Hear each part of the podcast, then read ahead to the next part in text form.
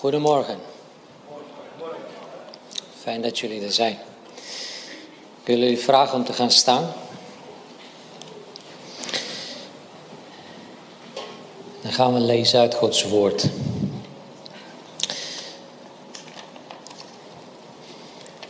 Ik wil graag vier versen lezen uit uh, een brief van Paulus aan de Filippenzen. En als het goed is, staat het ook op het scherm. Dus jullie kunnen met mij meelezen. Het is uit de MBG-vertaling van 51. Moet ik die andere microfoon gebruiken? Ja, jij liever die.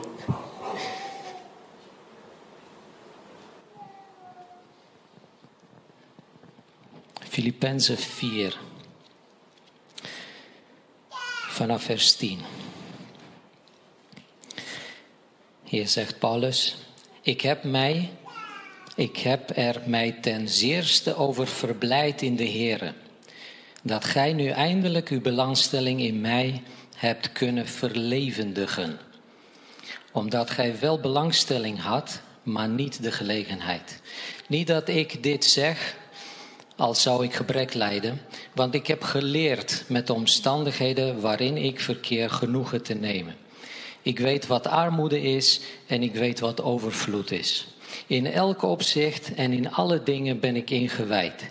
Zowel in verzadigd worden als in honger lijden. Zowel in overvloed als in gebrek. Ik vermag alle dingen in Hem die mij kracht geeft. Amen. U mag weer zitten. Voor degene die vanochtend hier uh, Wim hadden verwacht. Ik moet jullie teleurstellen. Hij kon uh, niet komen. Uh, ik heb ook een stropdas omgedaan, maar die is niet zo kleurrijk als wat hij altijd omdoet. Hè? Ik heb ook een beetje een baard laten staan. Maar die is niet zo stoer als die van hem. Hè? Of niet, Danny? Hij zegt altijd als Willem Molenkamp komt spreken, zegt hij: Wat een stoere baard heeft die man. Afgelopen maandag uh, was ik op kantoor. Uh, en het was heel rustig. Ik had ook uit kunnen slapen zelfs, want er was helemaal geen file. Dus ik kon uh, drie kwartier later daar naartoe rijden zonder file. En het was heel rustig op kantoor. Dus ik was al mijn mailtjes aan het wegtikken. En denk ik, even alles opruimen in de inbox. En toen werd ik gebeld. Rebecca belde mij. En ze zei: Ik heb Elsja net gesproken. En die vertelde dat uh, Wim niet kan komen spreken. Dus of jij aanstaande zondag wil gaan spreken. Dus ik doe wat ik nu ook deed. Ik adem in en ik denk, nou dan ga ik vier, vijf, zes, zeven smoesjes uh, verzinnen. Het is zo kort dag. Het is al maandag. Ik moet deze week, hele week werken. Daar heb ik toch geen tijd om me voor te bereiden. En nog voor ik dat kon doen, herinnerde Rebecca mij aan 1 Petrus 3, vers 15. Ik heb die wel vaker aangehaald.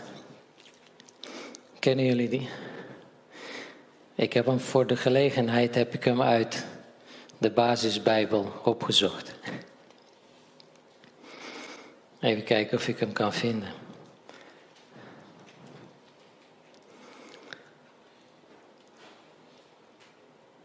Vertrouw met je hele hart op de Heere God. Dat is altijd goed als je iets moet doen, onvoorbereid, als het spannend is. Wees altijd bereid om aan iedereen die er meer over wil weten te vertellen over de zekerheid die je hebt. En als je daaraan herinnerd wordt, dan kan je natuurlijk geen nee meer zeggen. Dus ik uh, ben dankbaar dat Rebecca mij daaraan herinnerd heeft.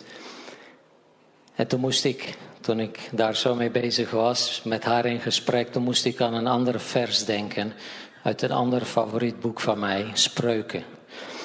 In Spreuken 19, vers 14 staat namelijk: Huis en bezit. Nee, uh, even kijken. huis, hoe? Ik luister altijd in het Romeins, daarom is het iets lastiger. Huis en bezit erf je van je ouders. Maar een verstandige vrouw is een geschenk van de Heer. En ik wil God danken voor het geschenk dat Hij mij gegeven heeft. Daarover gesproken, Rowanne is het toch? Ja, hè? En Maarten. Ik heb gisteren gehoord dat jullie verloofd zijn. Klopt dat? Gefeliciteerd.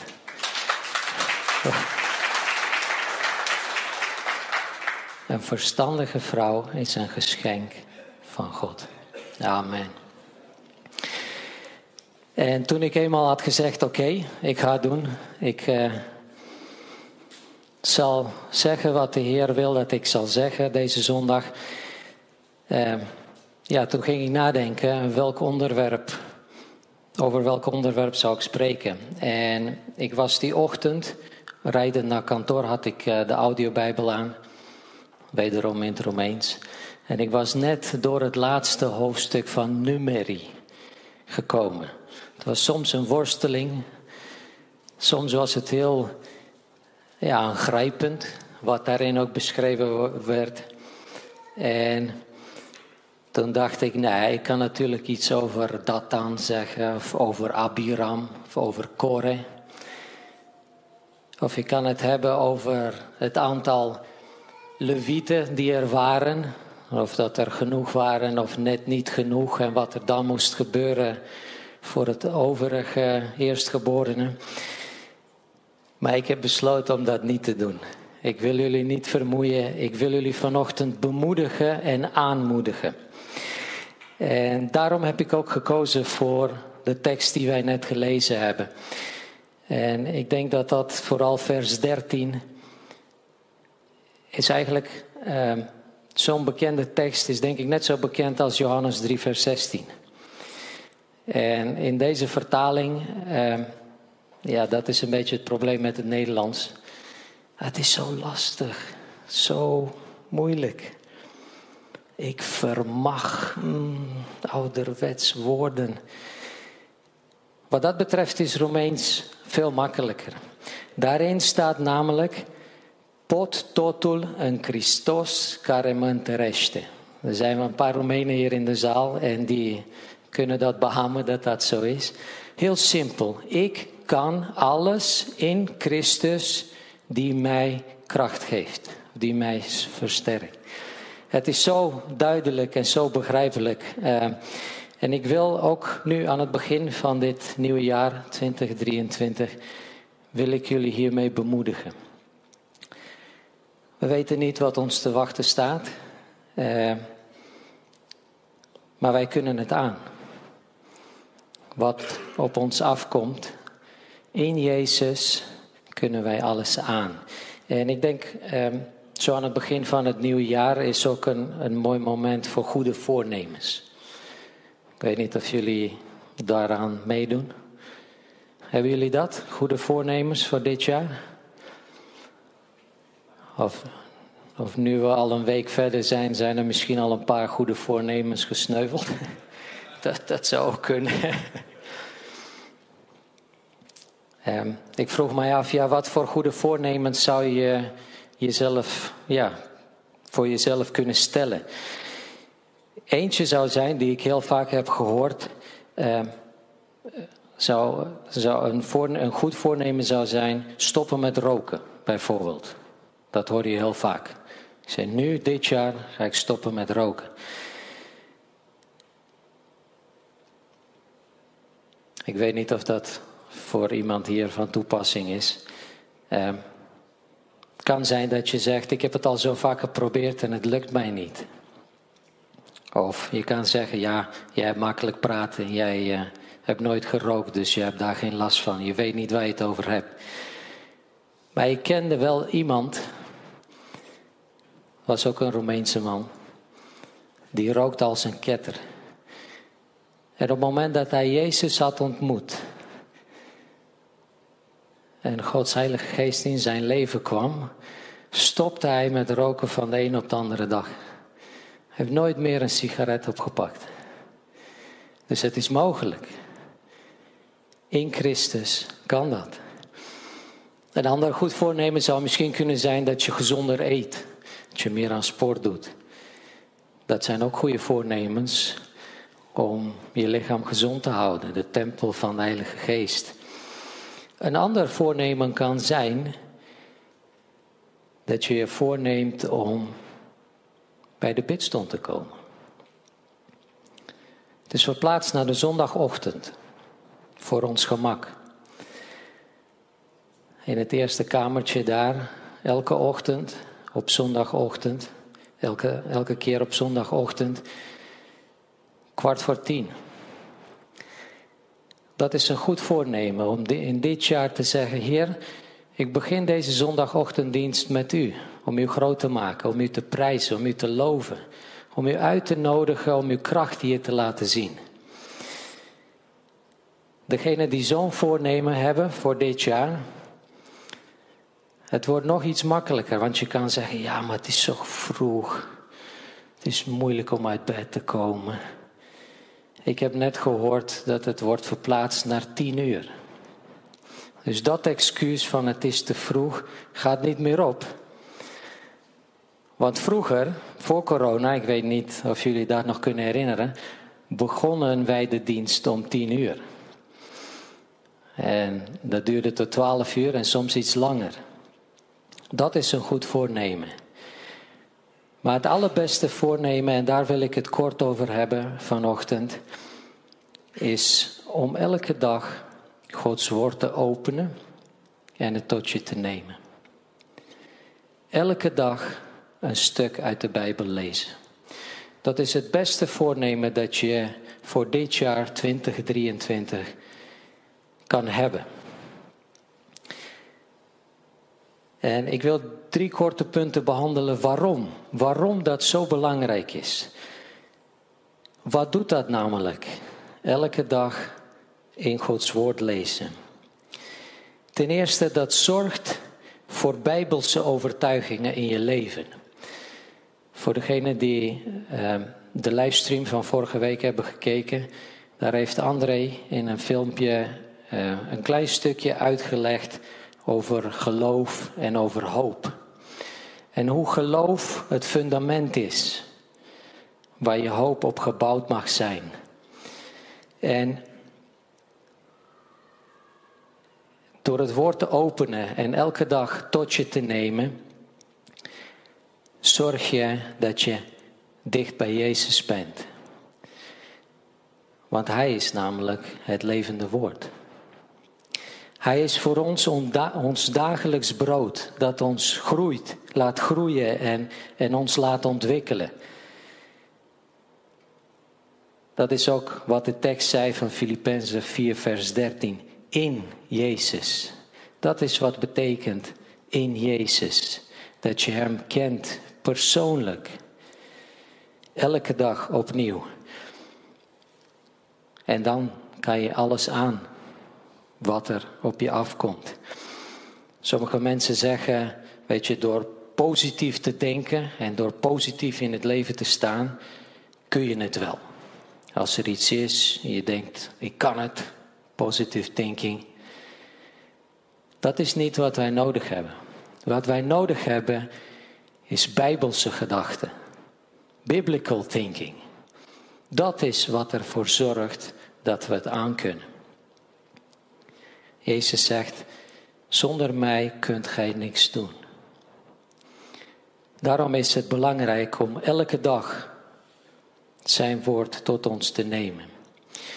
Het tweede punt is door in, in de Bijbel te lezen. Dat zorgt voor de leiding van de Heilige Geest in de keuzes die wij maken. De Heilige Geest brengt ons in gedachten de dingen die wij gelezen hebben. Op het moment dat je een keuze moet maken, dan leidt de Heilige Geest je naar de juiste richting. Het geeft je precies de juiste woorden om te spreken tegen iemand. En het helpt je om de juiste dingen te doen. En op die manier leer je Gods stem beter kennen en beter verstaan. Zoals hij zelf zei, mijn schapen kennen mijn stem. En, kunnen, en op die manier kunnen wij hem volgen. En kunnen wij overtuigd zijn van hetgene wat wij doen.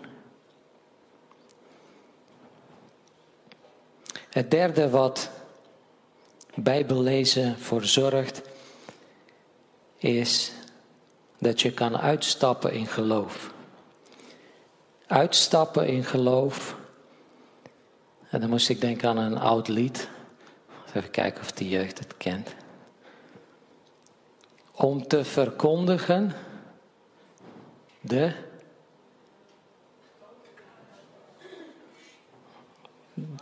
De iets ouderen kennen het. Om te verkondigen de grote daden Gods. En toen ik daar zo over nadacht, ging mijn gedachte ook, omdat het natuurlijk deze week, afgelopen woensdag, eh, waren wij ook hier samen. Ik moest zo denken aan Reina. Om te verkondigen de grote daden Gods. Wat dat betreft, eh, afgelopen woensdag hebben wij eh, een afscheidsdienst gehad voor Reina. We hebben haar lichaam begraven. Zij was al eind december naar de Heere God toegegaan. Maar ik uh, uh, had van Rebecca gehoord over een uh, gebeurtenis. Zij, zij heeft dat van Marian gehoord, dus eerstehands, want Marian was erbij. Het was in een ambulance. Ik weet niet precies met welke gelegenheid, maar Reina was door de ambulance opgehaald. En ze, ze lag daar in de ambulance, kreeg infuus. En ze dacht, precies wat ik hier had gelezen. Uitstappen in geloof en verkondigen. Altijd over Jezus spreken. Dus zij kijkt die zieke broeder aan en denkt bij zichzelf: ja, deze man kan natuurlijk nergens heen. De ambulance rijdt, hij moet zijn werk doen. Ze kijkt hem aan en zegt: tegen hem: Ken jij Jezus? Die man kijkt eraan en zegt: Nee, ken ik niet. Nou, dan wordt het wel hoog tijd dat je hem leert kennen. Want dat is heel belangrijk, want je weet namelijk nooit wanneer het je laatste dag is. En dat is wat dicht bij Jezus, met dicht bij Jezus leven met ons doet. Het geeft ons de vrijmoedigheid om uit te stappen in geloof. En als wij kijken naar het voorbeeld van Paulus, ook in deze brief die wij, of dit stukje dat wij uh, gelezen hebben uit de brief van Filippenzen. Het is trouwens een brief van vier hoofdstukken. En het is prachtig. Er staan zoveel mooie en hoopvolgevende dingen ingeschreven. Dus ik, ik wil jullie aanmoedigen om dat stukje helemaal te gaan lezen. De hele brief te lezen. Vier hoofdstukken, je bent er zo doorheen. Op het moment dat hij dit schreef, waar was hij op dat moment? Wie weet dat?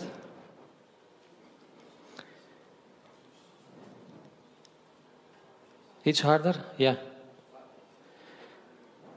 Hij zat inderdaad in de gevangenis. En zoals wij gelezen hebben in die versen, hij had geleerd om in overvloed te leven. Hij had geleerd om in armoede te leven. Honger lijden, genoeg te eten hebben. Er was niets wat hem ervan kon weerhouden om Gods woord te verkondigen. En Waarschijnlijk had hij ook financiële problemen op dat moment. Want wij lezen ook in, uh, uh, in vers 10, hadden wij ook gelezen, vers 10 en vers, vers 11. Dat de broeders uit Filippi hadden gehoord van zijn financiële toestand. En ze hadden een collecte gehouden. En die hadden zij aan iemand van hen. Die heette Epaphroditus. Prachtige naam hadden ze de collecte meegegeven om het bij Paulus te brengen. Hij zat in een Romeinse gevangenis en daar was het regime niet zo strikt. Je kon dus dingen kopen, maar dan moest je dus wel financiën hebben. Je kon ook mensen bij je hebben die voor je zorgden. Dat was ook wat Epaphroditus deed een hele tijd totdat hij ziek werd. Heel erg ziek. Hij was bijna overleden. Maar de Heer had hem genezen. En wat Paulus gedaan heeft, hij heeft deze brief laten schrijven en heeft hem meegegeven aan Epaphroditus op weg terug naar Filippi. Om de broeders en de zusters daar te bemoedigen. En dat zijn de omstandigheden waarin Paulus schrijft: Ik kan alles in Jezus. En waarom kan hij dat schrijven? Hij kan dat schrijven omdat hij dagelijks dicht bij Jezus leefde. Hij had geleerd om de leiding van de Heilige Geest te volgen. Er was een moment in zijn leven waarin broeders uit de gemeente tegen hem zeiden: Ga niet naar Rome. Ze hadden het zelfs voorgedaan wat er met hem zou gebeuren. Je wordt zo vastgebonden. Je gaat in de gevangenis. Maar Paulus had de leiding van de Heilige Geest gevolgd. Hij wist dat de Heere God hem daar wilde hebben. Wat er ook zou gebeuren. En hij gaf gehoor aan die roeping. Waarom? Omdat er niets was wat hem kon tegenhouden om uit te stappen in geloof. En dat kunnen wij ook lezen helemaal aan het einde van de brief van Filippi. Er staat in de ene laatste vers, staat uh, in, in het eh, afscheid en groetgedeelte, staat er, de heiligen uit het huis van de keizer laten u groeten. Hoe bijzonder is dat als je erover nadenkt? Hij was daar als gevangene en hij bekeerde mensen op de plek waar hij was. Hij getuigde over Jezus en de mensen kwamen tot geloof. Zelfs in het, in het huis van de keizer. En ik wil hiermee afsluiten. Laat dit ook ons voornemen zijn voor dit jaar. Het voornemen om dicht bij Jezus te leven, elke dag. Om elke dag zijn woord te openen. Zodat wij bijbelse overtuiging krijgen in ons leven. Om elke dag zijn woord tot ons te nemen. Om zo de leiding van de Heilige Geest in ons dagelijks wandel te leren begrijpen, te leren verstaan. En om uit te kunnen stappen in geloof. Om te verkondigen de grote daden Gods. Zo mogen de Heer ons zegenen dit jaar en ons helpen om in ieder geval dit voornemen om elke dag in zijn woord te lezen, vol te houden tot 31 december. En daarna eigenlijk ook. Daarna wil je niet anders. Amen.